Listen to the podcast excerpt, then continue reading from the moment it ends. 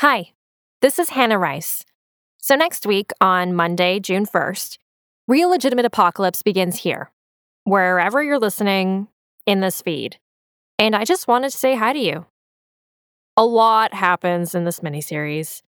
Um, a lot of personal things, some things that I'm not proud of, some things that I'm actually a little bit anxious to share with you. You're seeing the real me, and all my flaws and my backstory. So don't judge. Or whatever, I don't care. This is a story about what not to do, so judge away, I guess. It's just that I've been through a lot and it's been a long recovery, and part of that recovery has been piecing this show together for you. Anyway,